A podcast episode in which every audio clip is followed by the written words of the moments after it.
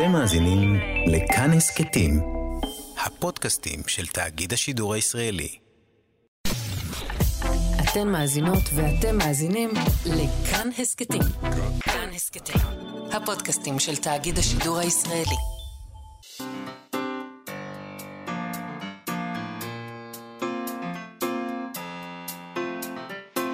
מה שכרוך. עם יובל אביבי ומה יעשה לה.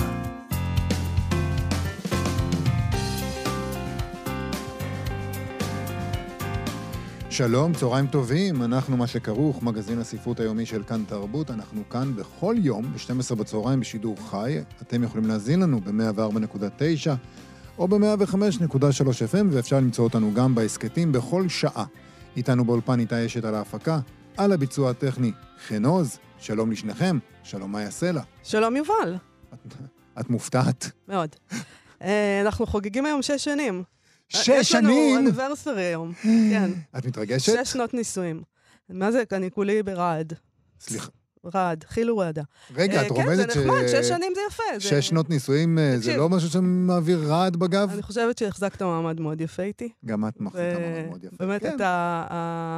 הזוגיות הכי יציבה בחיים שלי. ואין לי אלא לברך על כך. אני זה די אשתדל, מדהים. אני אשתדל בוא להישאר. נמשיך להשתדל. אוקיי. טוב, אנחנו נדבר היום על, אה, רומן נגרי. אה, קשה להתחמק מהעיסוק שלו ביהדות או, ביהודים אולי, ברומנים שלו, אה, ובכל זאת היו מי שתהו האם הוא סופר יהודי. על הזהות של רומן גרי כסופר יהודי ועל המוטיבים היהודיים ביצירה שלו כתבה עכשיו דוקטור מאיה גז ספר שבו היא טוענת שבמשך כל השנים חג גרי בכתיבתו סביב נושא היהדות, ושהיהדות אינה משתמעת ממנה באופן מובהק. בקיצור, זה לא... זה לא ברור. נורא מוזר, ה- אבל הוא- בעצם. ההילוך שלו. זה נורא מוזר אבל בעצם, נכון? כי כאילו, את באמת מאוד מאוד, יש שם דברים מאוד מאוד יהודיים, ובכל זאת אנשים אומרים, זה לא בדיוק יהודי, זה זה מוזר. נכון. אני- אני רוצה גם לדבר איתה, אבל על כל הדרך שהיא עשתה עם הסופר הזה, את. הדוקטורט שלה, הארכיון של הסופר הזה, איך כן. הגיע לארכיון, זה לא פשוט העניין הזה של הארכיון. היא האחרונה שזכתה להציץ בארכיון הזה אה, של רומן גרי. נשאל איך זה בדיוק עבד, כל הסיפור הזה. הכל אצלו מאוד מסתורי וטרגי. כן, יש שם גם- וסקסי גם- גם. גם דברים שהיא קראה בארכיון, ו... והיא לא יכולה לחשוף. היא כותבת לנו את זה. נכון. אני יודעת, אבל אני לא יכולה לגלות לכם. בעצם, באיזשהו אופן, אני חושבת שהיא יודעת, אנחנו ננסה להוציא את זה ממנה. כן, היא יודעת למה הוא התאבד, כן, והיא לא מספרת. לא מספרת. היא לא, אסור לה. מה זה אסור היא לא? לה, מהבן שלו, לא? אוקיי. היא כותבת את כל זה בספר, אבל זה מאוד מעצבן אותי. לא, זה, זה כיף. זה, זה- מסתורי, זה נחמד. זה כיף, אבל אני רוצה לדעת. אולי היא תספר לנו ולא נגלה לאף אחד, בדיוק, רק בינינו בדיוק. והמאזינים. אז זה בסדר גמור. אז אנחנו, זה מה שננסה לעשות עוד מעט, ואחר כך נדבר עם צור שייזף שלנו בפינה שלו דרך הספר, שבה הוא מדבר איתנו על אה, ספרי מסורת, נכון. וגם היום נעשה את אותו דבר. נכון, אבל ראשית, אני יודע ש... אולי קצת נמאס לך לשמוע מזה, חשבנו שזה מאחורינו, אבל עוד רגע זה יהיה מאחורינו, האירוויזיון. לא נמאס לי, כי לא...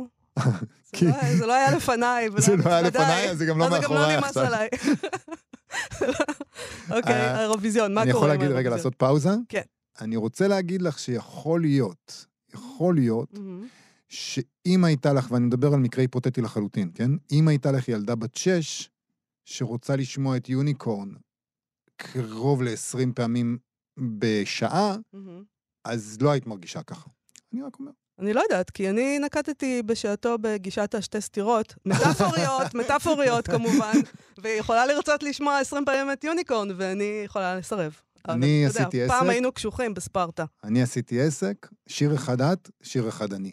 אז אה. אנחנו שומעים כל מיני... אה, אה, מסכנה. אז גם היא כן. מקריבה, אין מה מאוד להגיד. מקריבה, כי אנחנו אבל שלי לפחות. שונים. כל פעם אני בוחר משהו אחר, והיא בכל פעם שמגיע תור אני של שיר דווקא שלה, חייבת יוניקורן. להגיד שאני מזדהה עם הבת שלך בעניין הזה, כי גם אני יכולה לשמוע, כידוע לך, את אותו שיר די הרבה פעמים. זה נכון. בכל בוקר ובוקר. לפעמים. אמרו פעם, דרך אגב, אדם, אדם מסוים אמר את זה, אדם מסוים, כן. אדם חכם, אמר שמוזיקה למבוגרים זה קצת כמו אה, ספרות לילדים. אתה מקריא לילדים את אותו ספר שוב ושוב ושוב ושוב, זה מה שהם רוצים, הם רוצים להטמיע, להפנים את התכנים, והוא אומר שבמוזיקה אנחנו נשארים ככה. אנחנו רוצים לשמוע את אותו שיר שוב ושוב. שאנחנו. נתקעים. Mm.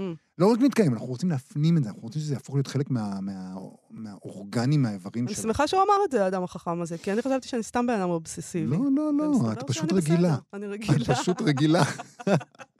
חן חן. אוקיי, אירוויזיון. אירוויזיון. אה, זה ספרותי כל העסק הזה, רק שתדעו, כאילו אם אתם אומרים לעצמכם מה, מה אתם רוצים, זה ספרותי.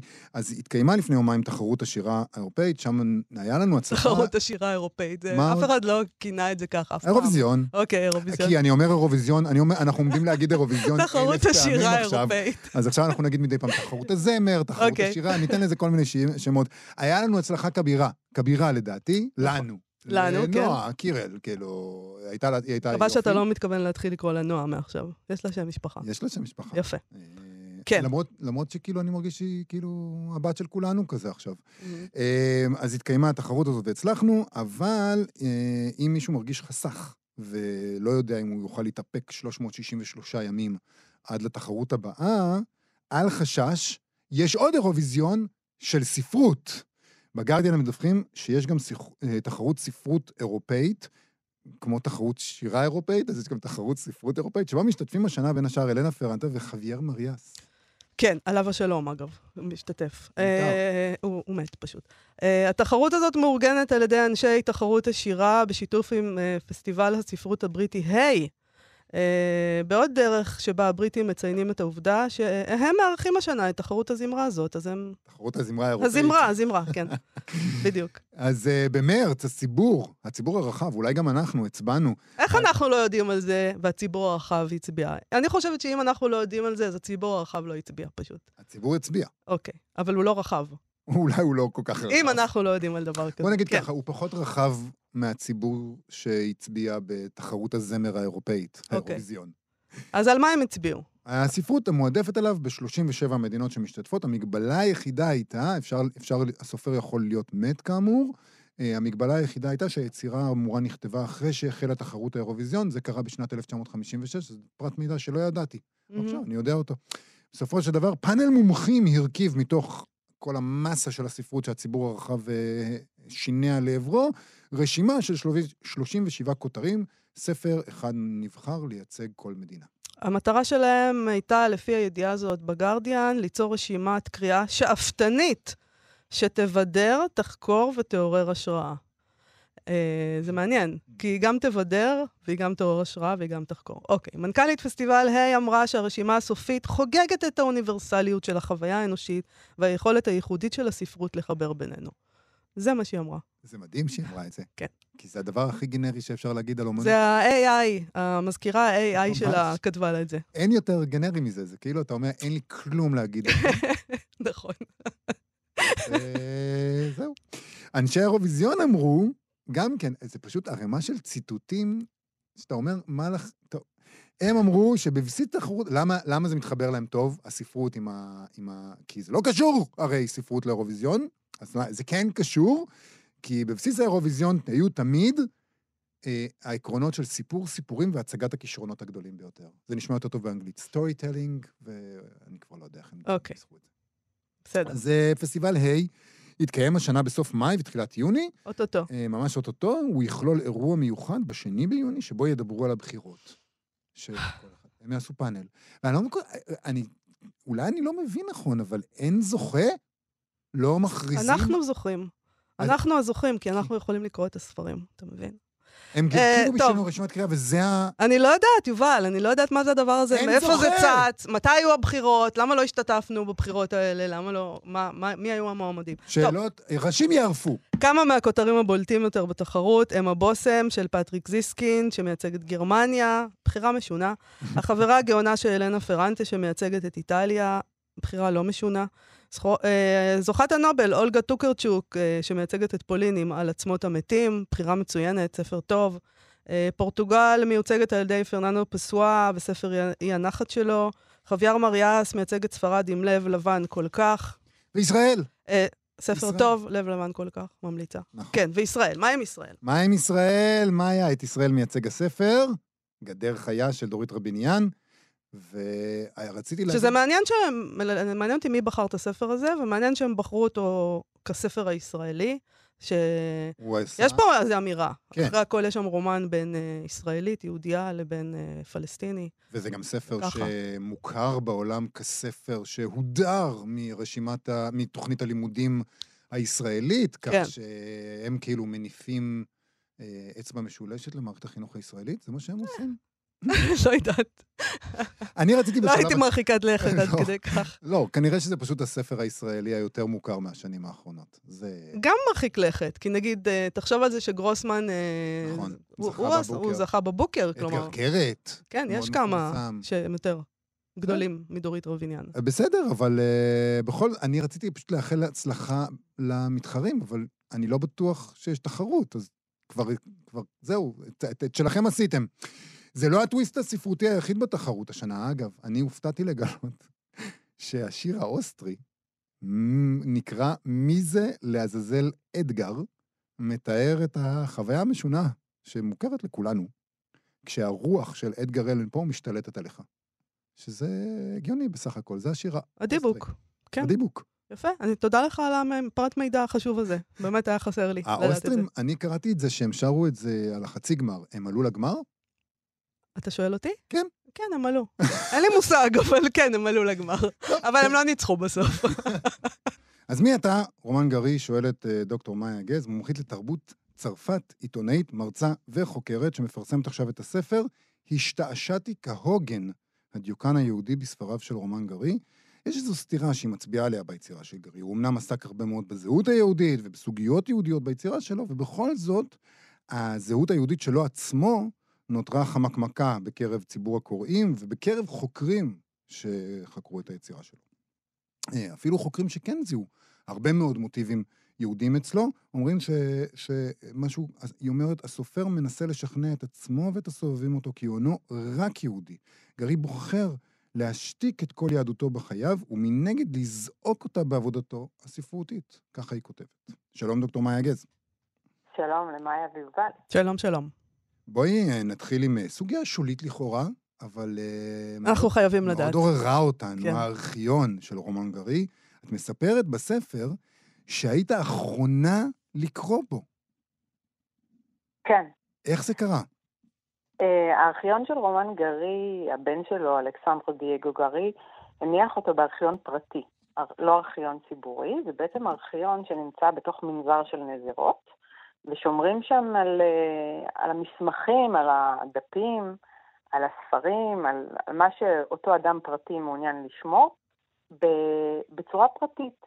אה, וכדי לקרוא בארכיון, בדרך כלל ארכיונים זה מקום ציבורי שאפשר להיכנס, אה, להיוועץ במה שנמצא שם, לצאת. אי אפשר להוציא שום דבר מארכיון, אבל אפשר לצלם, אפשר להעתיק. ופה בצרפת יש ארכיב, ארכ- ארכיבים פרטיים. זאת אומרת, הבן אדם משלם אה, כמו שכירות על, המק... על המקום שבו מופקדים הדפים שהוא רוצה להפקיד. והוא לא אישר לאף אחד להיכנס הבן, למנזר. הבן ולקרוא- לא אישר. כן, הבן לא מהמם. אישר לאף אחד להיכנס למנזר ולקרוא בארכיון.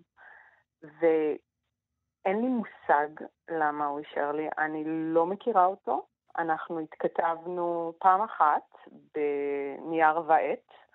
אה, מה שקרה זה שאחרי שסיימתי את כתיבת עבודת הדוקטורט שלי, רציתי מה שנקרא לתקף אותה, לדעת אם מה שכתבתי זה נכון, וידעתי שהארכיון קיים, וידעתי שהוא פרטי. במהלך השנים אמרו לי שאני בחיים לא אוכל להיוועץ בו, מהסיבה הפשוטה שהוא לא מאשר לאף אחד, והחלטתי שאין לי מה להפסיד. ההצהרה היחידה הייתה שאי אפשר היה למצוא אותו. הבן אדם חי בברצלונה, אה, ידעתי שהוא מגיע לפריז, אף אחד לא ידע, לא בהוצאות הספרים ו- ולא, כל מי שפניתי אליו לא ידע איפה הוא נמצא. אז עשיתי מה שישראלית עושה. אה, התחצפת, אני- כן. לא, מה עשית? לא, לא התחצפתי. אני חושבת שפה התושייה הישראלית אה, עזרה לי. פתחתי את דפי זהב הצרפתים, Mm, וחיפשתי אלכסנדר גרי.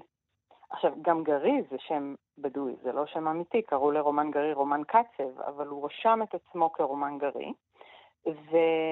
והבן שלו קיבל את, ה... את הפסבדונים, את גרי. ומצאתי שלושה אלכסנדרה גרי בפריז, עם שלוש כתובות שונות, וישבתי עם נייר ועט, וישבתי, כתבתי את אותו מכתב שלוש פעמים. הכנסתי לשלוש מעטפות, כתבתי את שלוש הכתובות, ושלחתי. נפלא. כן, כעבור שבוע חזרו שתי מעטפות, עם uh, חותמת שהנמען לא נמצא בכתובת. כעבור חודש הגיע המכתב מאלכסנדרה דייגו גרי. וואו. וכן, וככה אה, אני במכתב בעצם כתבתי לו שאני ישראלית, שחיה בפריז, כותבת עבודת דוקטורט על הספרות של אבא שלו, בהתייחסות לשואה ולאנטישמיות ולדמות היהודית, ומאוד יעזור לי לפגוש בו אז הוא- ולהיוועץ איתו.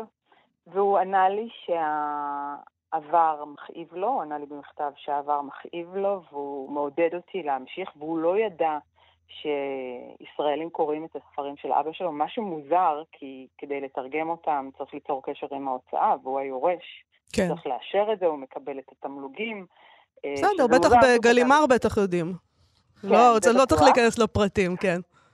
ו- ו- וזהו, ו- והוא עודד אותי להמשיך, והוא אמר, אני, אני מזמין אותך אה, לבקר בארכיון של אבא שלי. והייתי בהלם. עכשיו, כדי לעשות את זה באמת צריכה להראות אישור כתוב, לא יכניסו אותך. וזה הדבר הראשון שהם ביקשו, כשאמרתי להם, אה, אני קיבלתי אישור. הם אמרו לי, תראי, הוא לא מאשר לאף אחד, את הראשונה. ואני לא יודעת למה הוא הסכים. אני, עד היום אני לא יודעת. וגם דבר מעניין. מאיה, אני חושבת, זה הרגישות של הבן שלו, די הרבה שנים אחרי, שגם, כלומר, זה עדיין מאוד מאוד מכאיב לו הנושא הזה, וגם הוא נשמע לי טיפוס מסתורי כמו אבא שלו, שהיה טיפוס אה, מלא, מלא מסתורין היה שם. אה, אני קראתי ראיונות איתו, ואני לא חושבת שהוא טיפוס מסתורי, אני חושבת שהוא פשוט מאוד פגוע מאוד. אימא שלו, כשהוא היה בן 16, נרצחה, ואבא שלו התאבד שנה אחרי זה, כשהוא היה בן 17, והוא נשאר לבד בעולם. והוא היה זה שלפי הצוואה של רומן גרי אמור היה להחליט מתי, ואם בכלל, יוודא שרומן גרי הוא אמיל אג'אר.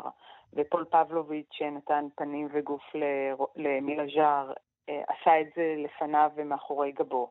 אני חושבת שהוא מאוד פגוע, שהוא לא סומך על אנשים.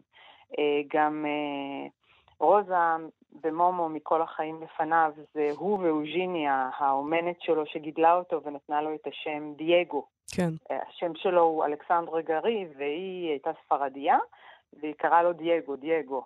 אז זה שם שנוסף לו. ו- והילדים שלה הם כמו האחים שלו, ועד היום הם בקשר. אז אני חושבת שהוא מאוד חושש ופגוע, וגם מאוד מג- אחראי על, ה- על, על השם של ההורים שלו, על שניהם, לא רק של אבא שלו. וגילית שם, שלו- גילית שם דברים כן. בארכיון שאת לא יכולה לספר לנו, כי אחרי זה הוא אסר את זה, נכון? זאת אומרת, את יודעת כל כן. מיני דברים שעשו... אולי תגידי לנו בכל זאת. ברור, מה זאת אומרת? רק אנחנו פה. אה, בש- נכון, שידור חי, אף אחד לא שומע. אה, בעיקרון, יש סיבה שהוא לא אישר לאף לקרוא בארכיון, כי בעצם אה, נחשפים שם כל החיים הכתובים של גרי, וכולם יודעים שגרי התאבד בשניים בדצמבר 1980, בחדר השינה שלו במיטתו, עם אקדחו האישי, עוד מימי מלחמת אה, העולם השנייה. ובארכיון יש שם, אף אחד לא יודע למה.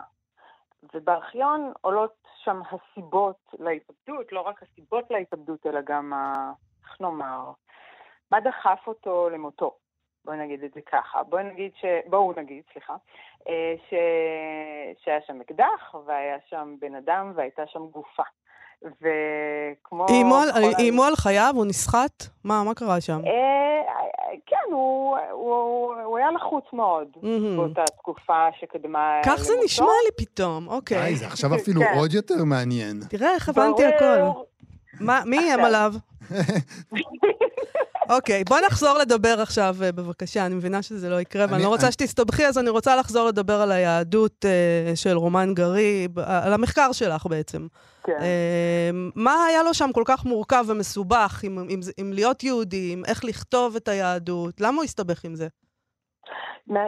רומן גרי הוא נולד למשפחה יהודית. אבא שלו, אריה לייב קצב, היה בן למשפחת פרוונים מאוד עמידה בליטא, בווילנה, שהייתה ירושלים של, ה, של, של ליטואניה. היה שם ריכוז מאוד גדול של יהודים, 51% יהודים באותה תקופה, והם אה, גרו בסמוך לבית הכנסת, ואבא שלו היה בוועד המנהל של בית הכנסת, והוא למד עברית, למד בחדר, לא האבא, גרי, mm-hmm. רומן קצב הקטן, ודיבר עברית ודיבר יידיש, והיה חלק מהחיים היהודיים של העיר הזאתי. ואחרי שההורים שלו התגרשו, והוא ואימא שלו דרך ורשה הגיעו לניס בדרום צרפת, היא הייתה אישה אומנם שקרנית, אבל uh, חכמה, והיא העריכה את ניחוחות הקסנופוביה והאנטישמיות שכבר היו באזור, זה היה לפני מלחמת העולם הראשון, השנייה, ב-1928. ברגע שהם הגיעו, הוא היה בן 14 לניס, היא אמרה לו, תקשיב, אתה מעכשיו שוכח שאנחנו יהודים, אנחנו לא אומרים שאנחנו יהודים לאף אחד. בכל יום ראשון הם התפללו בכנסייה, בקתדרלה הרוסית המרהיבה בניס, והיא אמרה לו, אתה מעכשיו קתולי. עכשיו, כשאת לוקחת פעוט או ילד קטן שעוד לא מבין מה זה, ש, שדת היא הרבה מעבר ל...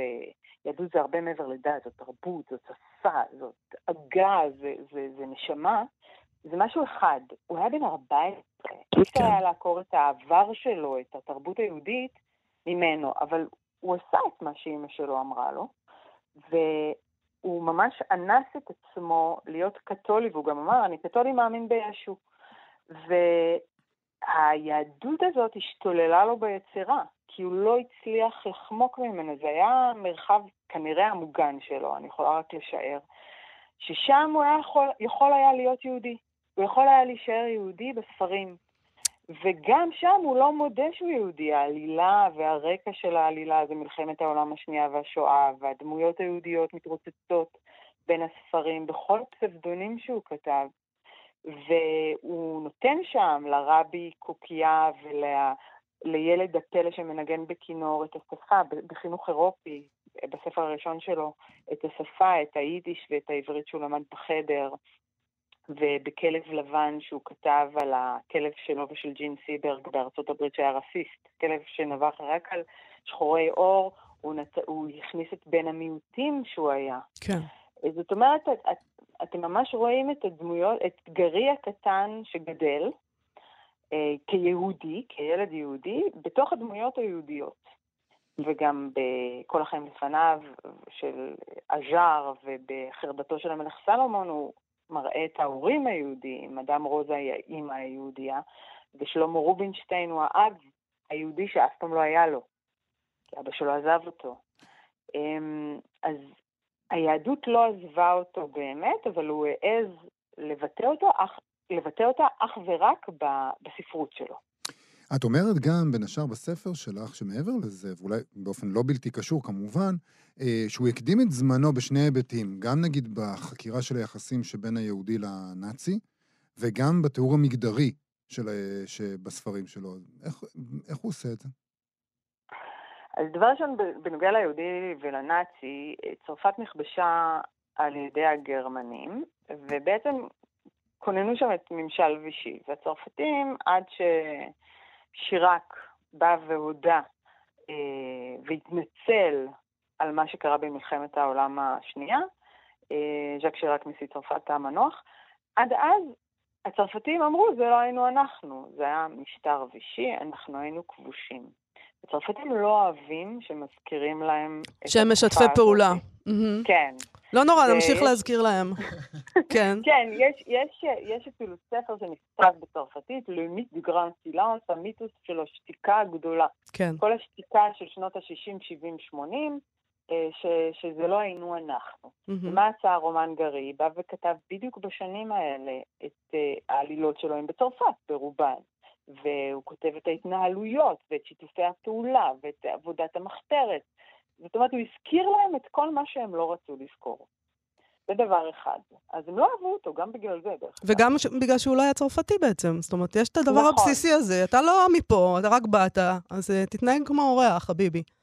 נכון, נכון. הם, זה, הוא היה מהגר, והוא היה בן מהגרת, ו- והוא חי עם מהגרים. כל החברים שלו בניס היו מהגרים מאירופה, בעיקר ממזרח אירופה, ועד uh, מותו גם אמרו לו, אתה לא מדבר, דובר צרפתית, יש לך מבטא, הצרפתית שלך היא לא יפה ואריסטוקרטית כמו של הסופרים הגדולים שלנו. כן, היה גם פער מאוד גדול בין אהבת הקהל בעצם לשנאת הביקורת והאקדמיה, נכון. שאת גם כותבת שהוא כמעט לא נחקר נכון, בשעתו. נכון, בדיוק מהסיבה הזאת. כן. מהסיבה הזאת.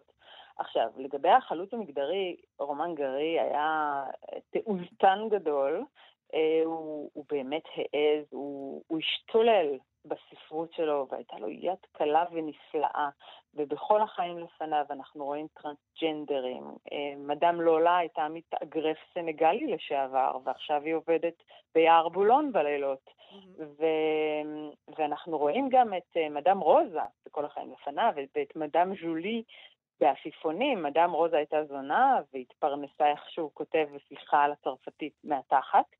ומדאם אה, ז'ולי ניהלה בורדל ב... אה, בפריז, לפני שהיא חזרה לנהל את המחתרת בנורמנדי, והיא מביאה להצלת צרפת, היא מכוונת את כוחות הנחיתה אה, כשהאמריקאים מגיעים להציל את הצרפתים. זאת, זאת אומרת, הוא נותן לנשים, לדמויות נשיות, ולא משנה אם אלה צעירות, כמו לילה בעפיפונים, או אה, אותן נשים שהזכרתי קודם, נותן להם כוח שאף סופר אחר לא נתן לנשים, בעיקר לנשים יהודיות, דמויות של נשים יהודיות, עד, את, את אותו כוח עד אותה עת בספרות הצרפתית. לא, נשמע שפשוט אה, היה מאוד מאוד בבסיס האישיות שלו והיצירה שלו, ההבנה שאדם הוא יותר מאשר דבר אחד, בו זמנית לפעמים. אמ, נגענו בקצה המזלג. ממש, ממש. השתעשעתי כהוגן, הדיוקן היהודי בספריו של רומן גריז, ספר שיש בו הרבה יותר מזה. דוקטור מאיה גז, תודה רבה לך על השיחה הזאת. תודה לשניכם. תודה רבה. להתראות. עכשיו, דרך הספר. בדיוק ככה, מה שכרוך בכאן תרבות, דרך הספר, הפינה שלנו עם צור שייזף שלנו, הטיה לסופר והעיתונאי, שלום צור שייזף. שלום. שלום וברכה. אה, אתה בדיליי, בסדר, אני אחכה לך. שומעת אותך בדיליי מסוים. יש לנו שתי שניות ככה. אה, תהיה שיחה מעניינת, כן. אם זה לא יסתדר. נכון. אז בוא, אז בוא פשוט אה, תגיד לנו על מה אנחנו מדברים. טוב, היום אנחנו מדברים על חברברי הסוואנה של ג'רל דארל. אה, ג'רל דארל הוא אחד בעצם, נגיד, הזואולוגים הטבעיים הגדולים שידעו העולם, והוא נולד בהודו ב-1925, ובגיל גיל שלוש הוא חוזר לאנגליה, ואז מיד לוקחים אותו לקורפו עד גיל עשר עד שלושים ותשע, פורצת מלחמה, חוזר לאנגליה, איכשהו, אם אני זוכר נכון, לא מקבלים אותו לשום אוניברסיטה, אבל יש לו תשוקה לבעלי חיים מגיל מאוד מאוד צעיר, ואיכשהו, אחרי שהוא משרת במלחמת העולם השנייה בכל מיני תפקידים ביזאריים, הוא מנסה להצטרף משלחות שאוספות בעלי חיים. יש לו תשוקה גדולה להביא בעלי חיים למקומות שונים בעולם, ומתישהו הוא מצליח באמת לעשות את זה, ומכיוון שאף אחד לא רוצה אותו, הוא מתחיל לארגן משלחות משלו. למזלו הגדול, משלב מסוים, אה, הוא מגלה שהוא יודע לכתוב עליהם. עכשיו, זה שהוא יודע לכתוב עליהם זה לא נורא הפתעה, מכיוון שאחיו הגדול, לורנס דארל, הוא נחשב לאחד מהסופרים החשובים, לפחות של החצי הראשון של המאה ה-20, וכתב את רביעייה אלכסנדרונית, ואנחנו גם נספר על ספר מסע שלו יפה על קפריסין באחת התוכניות הבאות. בכל מקרה, מתישהו הוא מתחיל לנסוע בעולם אה, ולכתוב על זה, והספר הזה שמדובר בו, הספר שנקרא חברברי הסוואנה, הוא בעצם ספר מסע שלו, שבו הוא אה, לוקח אונייה ומפליג לקמרון. קמרון היא מדינה במערב אפריקה, מתחת לסאהל, מדינה שיש בה לא מעט מים, הרבה יערות גשם והמון ממלכות. זה מקום שעד היום יש בה המון מלכים מקומיים. אה, המקום הזה נשלט בזמנו על ידי האימפריה הבריטית, ולכן זה היה נוח, והוא מגיע למקום שנמצא פחות או יותר במרכז קמרון, לממלכה של הפון של באפוט. הפון של באפוט הוא טיפוס אה, אה, מאוד ציורי, ושניהם חולקים אהבה מאוד מאוד גדולה, והיא לאו דווקא לבעלי חיים, היא לשתייה. אה, ג'רל דל בסופו של דבר נפטר כנראה מסוג של שחמת הכבד כשהוא היה בן 70, והוא נהג לשתות שתייה מאוד מאוד כבדה, חוץ מאהבתו לבעלי חיים. זה אחד הספרים המשעשעים שיש. זאת אומרת, בכלל ג'רל דל, על כל כתיבתו, והוא כתב הרבה ויפה ומשעשע, ולי יש חבר טוב שגדל על הספרים שלו, דנדן בולוטין, מי שמכיר אותו, שהוא איש שבעצמו בנה מקלט לחיות בר בנגב, בעצם סיפר לי שהוא אה, בגיל מאוד מאוד צעיר, הוא האיש שאחריו הוא עקב אחרי אה, ג'רל דל. עכשיו ג'רל דל מגיע לקמרון ומפיץ את השמועה שהוא מחפש בעלי חיים מוזרים, והוא בעצם אסף את בעלי החיים האלה, רוצה להביא אותם למקלט או סוג של גן חיות באי ג'רזי. עכשיו, חשיבותו של ג'רל דל, חוץ מאהבת החיות שלו, וחוץ מהעניין הזה של המסעות המצחיקים מאוד שלו, והכתיבה המאוד משעשעת שלו, והמלאת צבע וידע, היא בזה שהוא בעצם אה, כיוון את גני החיות בכלל בעולם לכיוון אחר ממה שהם היו עד לתקופתו. כי עד לתקופתו גני החיות היו קצת כמו הקרקסים של פעם, מקומות שבהם באת לראות חיות מוזרות, וכמה שהן היו יותר מוזרות ויותר גדולות, ככה אה, רצית אותם בגני החיות, והוא כיוון אותם לכיוון של גרעיני התרבות או גרעיני רבייה, מכיוון שבעלי חיים הולכים ונעלמים. ככל שאנחנו, הבן אדם או האדם, הולך ומשתלט ומברא יותר ויותר מקומות טבעיים, בעלי החיים כמובן הולכים ונעלמים, והוא על עצמו משימה בעצם לאסוף את בעלי החיים ולייסד אותם לתוך איזה סוג של תיבת נוח, שממנה יהיה אפשר אולי להחזיר אותם לטבע. ועוד מונח שהוא טבע ועבד עליו מאוד מאוד קשה, זה העניין הזה של לתת להם מרחב מחיה. זאת אומרת, לתת להם כמה שיותר קרובים לטבע, ושהכלובים שלהם יהיו אה, כלובים מצוינים, ושיהיה אפשר לעשות בהם כל מיני דברים. אבל בתוך המסע הזה יש כמובן המון המון רגעים משעשעים, שבו למשל אה, יש איזה, הוא מוצא איזה חומץ, חומץ נפלא ונדיר, והוא בא לתפוס אותו, ומיד הקמרונים המקומיים מתנפלים עליו ואומרים לו, לא, לא, זה ארסי, ואתה יכול למות, וכל מיני דברים אחרים, והחומץ כמובן בורח, והוא נורא זועם עליהם ואומר להם, אבל אתם תראו, יש לי איזה שיקוי כזה, שאם אתה שותה אותו, אז שום דבר לא קורה, והוא רוקח כמובן איזה... ג'ין אנד טוניק. שיקוי מאיזה חצי ג'ין, חצי טוניק, ועוד איזה משהו כזה. כן, כן, לגמרי מראה להם, אתה שותה קצת gin and tonic, והחומץ הזה, כן. החומץ הזה שכמובן לא מזיק לכלום, כמובן לא עושה לך כלום, הוא אוסף כל מיני פרטים, והוא מוצא שם כל מיני דברים שהאפריקאים אפילו לא יודעים שיש. יש שם איזה סוג של קרפדה, אני מניח, קרפדה ביישנית, שהיא יושבת ב, אה, בכל מיני אה, אה, שלוליות במעבה היער, והם לא יודעים אפילו מה לחפש, והם אומרים לו, לא, אין חיה כזאת, אין דבר כזה, והוא אומר להם, יש, יש. והוא הולך איתם ומחפש אותם במשך כמה שבועות, ואז הוא מוצא איזה מקווה מים, וכמובן אחרי שהוא מוצא את המקווה הראשון, אז הוא מוצא את השני ואת השלישי, ואוסף את, ה, את הקרפדות האלה, ואז זה מגלה שהם כמובן, יש להם איזה זמירות ענוגות כאלה, כשהן אה, אה, אה, מחזרות אחת אחרי השנייה. זאת אומרת, הכל מלא במין מסעות כאלה נפלאים, להביא כל מיני בעלי חיים, ובין היתר, הוא נורא נורא נורא רוצה, יש עכבר מרחף. יש עכבר שיש לו הקרומים של האצבעות שלו בעצם מתחברים לאיזה סוג כזה, וגם בידיים שלו, קרומים שנפרסים, והעכברים האלה יודעים לדאות לאורך מרחקים של עשרות מטרים. ובהתחלה, והם אומרים לו, כן, יש אותם, אבל מאוד קשה לצוד אותם. ואז הוא שולח אותם, והם עושים מסע מפואר בתוך יער הגשם, ומוצאים כמה גזעים כאלה, וכמובן מבעירים אה, אה, ערימת עלים למטה, כדי שהעשן יגרום להם לצאת החוצה עם רשתות, ובסופו של דבר הם מצליחים ללכוד כמה וכמה זוגות כאלה, ושלצערם, או לצערו בעיקר הגדול, שבסופו של דבר הם יוצאים בהפלגה הזאת לאנגליה, הם מצליחים להגיע עם זוג אחד, והזוג הזה גם כן בסופו של דבר לא שורד את המסע. אז בתוך הדברים האלה אנחנו גם מגלים את, ה, את העולם הזה, את אותו עולם של אוסף, אוהב ואוסף בעלי החיים, שבסופו של דבר הוא צריך להביא אותם אל היעד, וגם שם זה אה, לא ממש עובד. אז אה, צור, בוא נגיד קודם כל שהספר הזה, חברברי הסוואנה, יצא בהוצאת עם עובד ב-1987, בתרגום של אמציה פורט, למי שרוצה. אה, לא הזכרנו גם את אה, הספר, לדעתי, הכי ידוע שלו, שזה משפחתי וחיות אחרות, אה, שיצא פה ב-56 ואחר כך ב-78 בתרגום של עופרה ישועה. אה, ג'רלד דארל, אה, צור שייזף, תודה רבה לך על השיחה הזאת.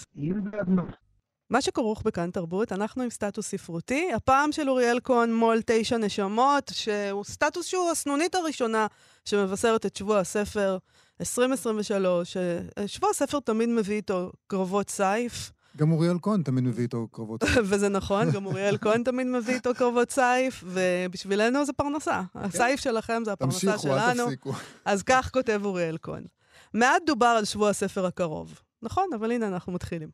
הפעם הראשונה שבה ממומש במלואו הפיצול, הסדק הקיים בין הוצאות ספרים בישראל. התאגידים בשרונה, הספרותיים במתחם אחר לחלוטין באופן עצמאי.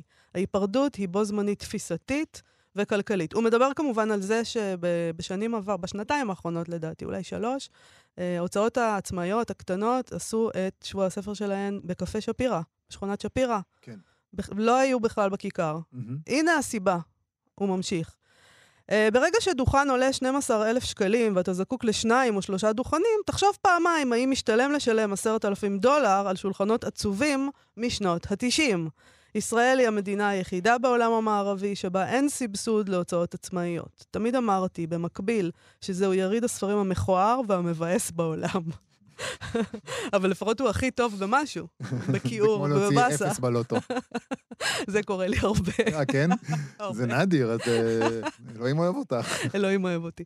ללא קשר, הוא ממשיך, במשך 13 שנה מאוד מאוד נהניתי לפגוש את קהל הקוראים פנים מול פנים, ואפילו לפגוש קולגות ויריבים. בסופו של דבר, תרבות היא דבר קהילתי, והפעם זה בלתי אפשרי. לכן, את תשע נשמות תמצאו השנה אך ורק היכן ששוכנת הספרות והעצמאות. בושה וחרפה, התאחדות המו"לים הדינוזאורית. בושה וחרפה, האדישות, הרדידות וגם ההפרדה. זה מתאים לעידן הנוכחי. זהו, אני הרגשתי אה, ככה. אני לא יודעת אם זה יהיה, אגב, בקפה שפירא, או איפה שזה... אנחנו לא יודעים עדיין, לא או. לפחות הם לא הודיעו, למרות שאני מאוד אה, חיבבתי את זה כשזה היה בקפה שפירא, כן. ואני בעד. אה, יש להם שם, כן, זה היה מאוד מוצלח בפעם הראשונה שזה היה שם, ואני פשוט אומר לעצמי, כשהוא אומר ההיפרדות היא בו זמנית, תפיסתית וכלכלית, זה מתאים לעידן הנוכחי, האם זהו פוסט פוליטי גם? אה, תראה, אוריאל כהן אה, בשנים עבר הוא היה, ב- ב- זאת אומרת, בשנתיים האחרונות נגיד, ב- היה כמובן עם המו"לים העצמאיים בקפה שפירא, כן. אה, אבל היה לו דוכן גם ב- ב- בשרונה. את יודעת, אנחנו... ועכשיו הוא אומר, מה שהם תמיד, הם כל הזמן אומרים, כלומר, הם, הם לוקחים את אותו כסף מנגיד מו"ל ידיעות ספרים, וממו"ל אה, תשע נשמות. כן, זה לא שני הגיוני. אנשים שלא מרוויחים אותו דבר, אין מה לעשות, אי אפשר, וההתאחדות מתעקשת. ואני חושבת שזה לא נורא בכלל, להיפרד. אה, ההיפרדות. כן? כן, יש הרבה אנשים שמדברים עכשיו על היפרדות כזאת, והיפרדויות אה, אחרות אתה עוד גם. פעם מושך לשם, מספיק כבר עם הדבר הזה, זה כל כך לא בנאלי, די. אני לא יכול, הוא... זה, על בסדר, השולחן. זה פוליטי, הכל פוליטי, נכון. הכל פוליטי. האישי הוא פוליטי, בוא, תזרוק כמה כאלה. אני... זה יהיה אה, בקפה שפירא, הכל יהיה נחמד מאוד. אה, והקהל פשוט צריך למצוא דרך ליחצן את זה, ושהקהל יבוא לשם. הבעיה באמת יש היא, שם ספרות מגניבה. הבעיה היא שהרבה פעמים לקהל יש ארנק אחד, ואז הוא לא, הוא, הוא מגיע לשרונה נגיד, ואז אה, הוא מתקצב לו, סתם אני זוכר מישהו, 500 שקל השנה אני מוציא בשבוע הספר, והוא הוציא 490 בשרונה. זהו, מגיע עם עשרה שקלים למקום אחר. טוב. אי- אין, אנשים לא, בסדר. לא יכולים לבקר בשני המקומות האלה. וגם- בסדר, הם יכולים לבחור לבקר רק בקפה שפירא. בסדר, אבל גם להוצאות הגדולות ב- בשרונה, כן, אה, יש מרכולת אה, נכון. ראויה, זה לא בטח. שאין שם כלום בטח. בוא ושום נגן עליהם. דבר. בסדר גמור. נכון. אז אה, אנשים? ילכו לפה ולשם, ילכו לאן שהם רוצים. תקנו המון אז הכל יהיה ספרים בסדר. פשוט. עוד סטטוס. עוד סטטוס של הסופר אילי ראונר, שכותב על מותו של הסופר פיליפ סולרס, שהוא כותב עליו ככה, הסופר פיליפ סולרס מת שלשום בן זה היה כבר 86. יותר... זה היה כבר יותר משלשום. יותר משלשום? כן. בן 86, הוא אבל היה- אבל בטוח. אה, זהו, במותו. 86 זה סופי. כן. שלשום זה לא סופי. זה סטטוס מדהים. בוא ת... זה פשוט... מה שמדהים זה המשפט הבא. אף ספר שלו לא תורגם לעברית, למיטב ידיעתי. לא, זה לא מה שמדהים. עוד מעט נגיע למה עוד מעט שמדהים. נגיע למה שמדהים. כן. נכון, יש שם חלק יותר מדהים. ההספד כן, של. הנשיא, זה- הדבר המדהים. אוקיי. אמ, אז אף ספר שלו לא תורגם, גם לא המסע הידועה לי שעתה, הכתיבה וחוויית הקצה מ-1998, או ספר הזיכרונות על רולנד בארט מ-2015. והנה מגיע הקטע שרצית להגיע אליו. הספד רשמי של נשיא, נשיא צרפת, אורכו עמוד וחצי, ככה כותב עמנואל מקרון. אני רוצה להדגיש, זה ההספד של אה, עמנואל מקרון, נשיא צרפת, על סופר שמת, פיליפ סולרס. אה, אני, זה פשוט, אה, קראתי את זה כמה פעמים, לא האמנתי ל... רוצה לקרוא את זה או שאני עיניי. אקרא? לא, לא, אתה קורא. בבקשה. דרך מחשבותיו על אומנות, על סקס, על עצמו ועל, ועל אלוהים, הרומנים המטאפיזיים שלו, הממוארים הבדיוניים והניסיוניים שלו, שופעים בציטוטים והרמזים, עולה ומצטייר דיוקן של מי שחורג מכל הגדרה. מלומד ואיקונוקלסטי, בורגני ומתריסן, קל דעת ותהומי, פתיין, חציה של זוגיות שאינה ניתנת להתרה, הוא היה בן זוגה של קריסטבה, תמיד חמק מכל שיקוף שביקשו לייחס לו. זה ההספד של נשיא צרפת. וואו, תתאר לעצמך את בוז'י. את בוז'י או את ביבי, המ- המקביל זה ביבי, האמת, כי נכון. נשיא צרפת הוא לא... אה, אני רק אמרת, דמות, נשיא, אה, ישר אני חושב על בוז'י, אין מה לעשות. בסדר גמור. אז אה, כן, עכשיו, אני לא יודעת אם הוא, אז יכול להיות שהוא כתב את זה בעצמו, אבל בכל מקרה, גם לדעת להעסיק את הדוברים המתאימים, זה יפה. אה, מדהים. שיודעים לכתוב דבר כזה, אז אה, באמת. עצם אה, השימוש במילה סקס.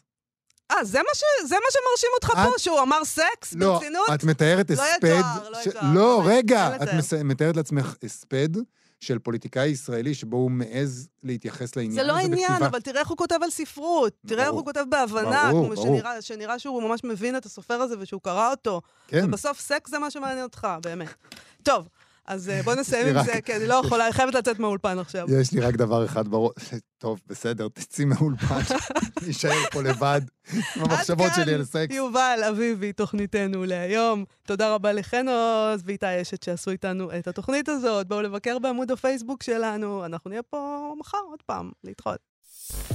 אתם מאזינים לכאן הסכתים, הפודקאסטים של תאגיד השידור הישראלי.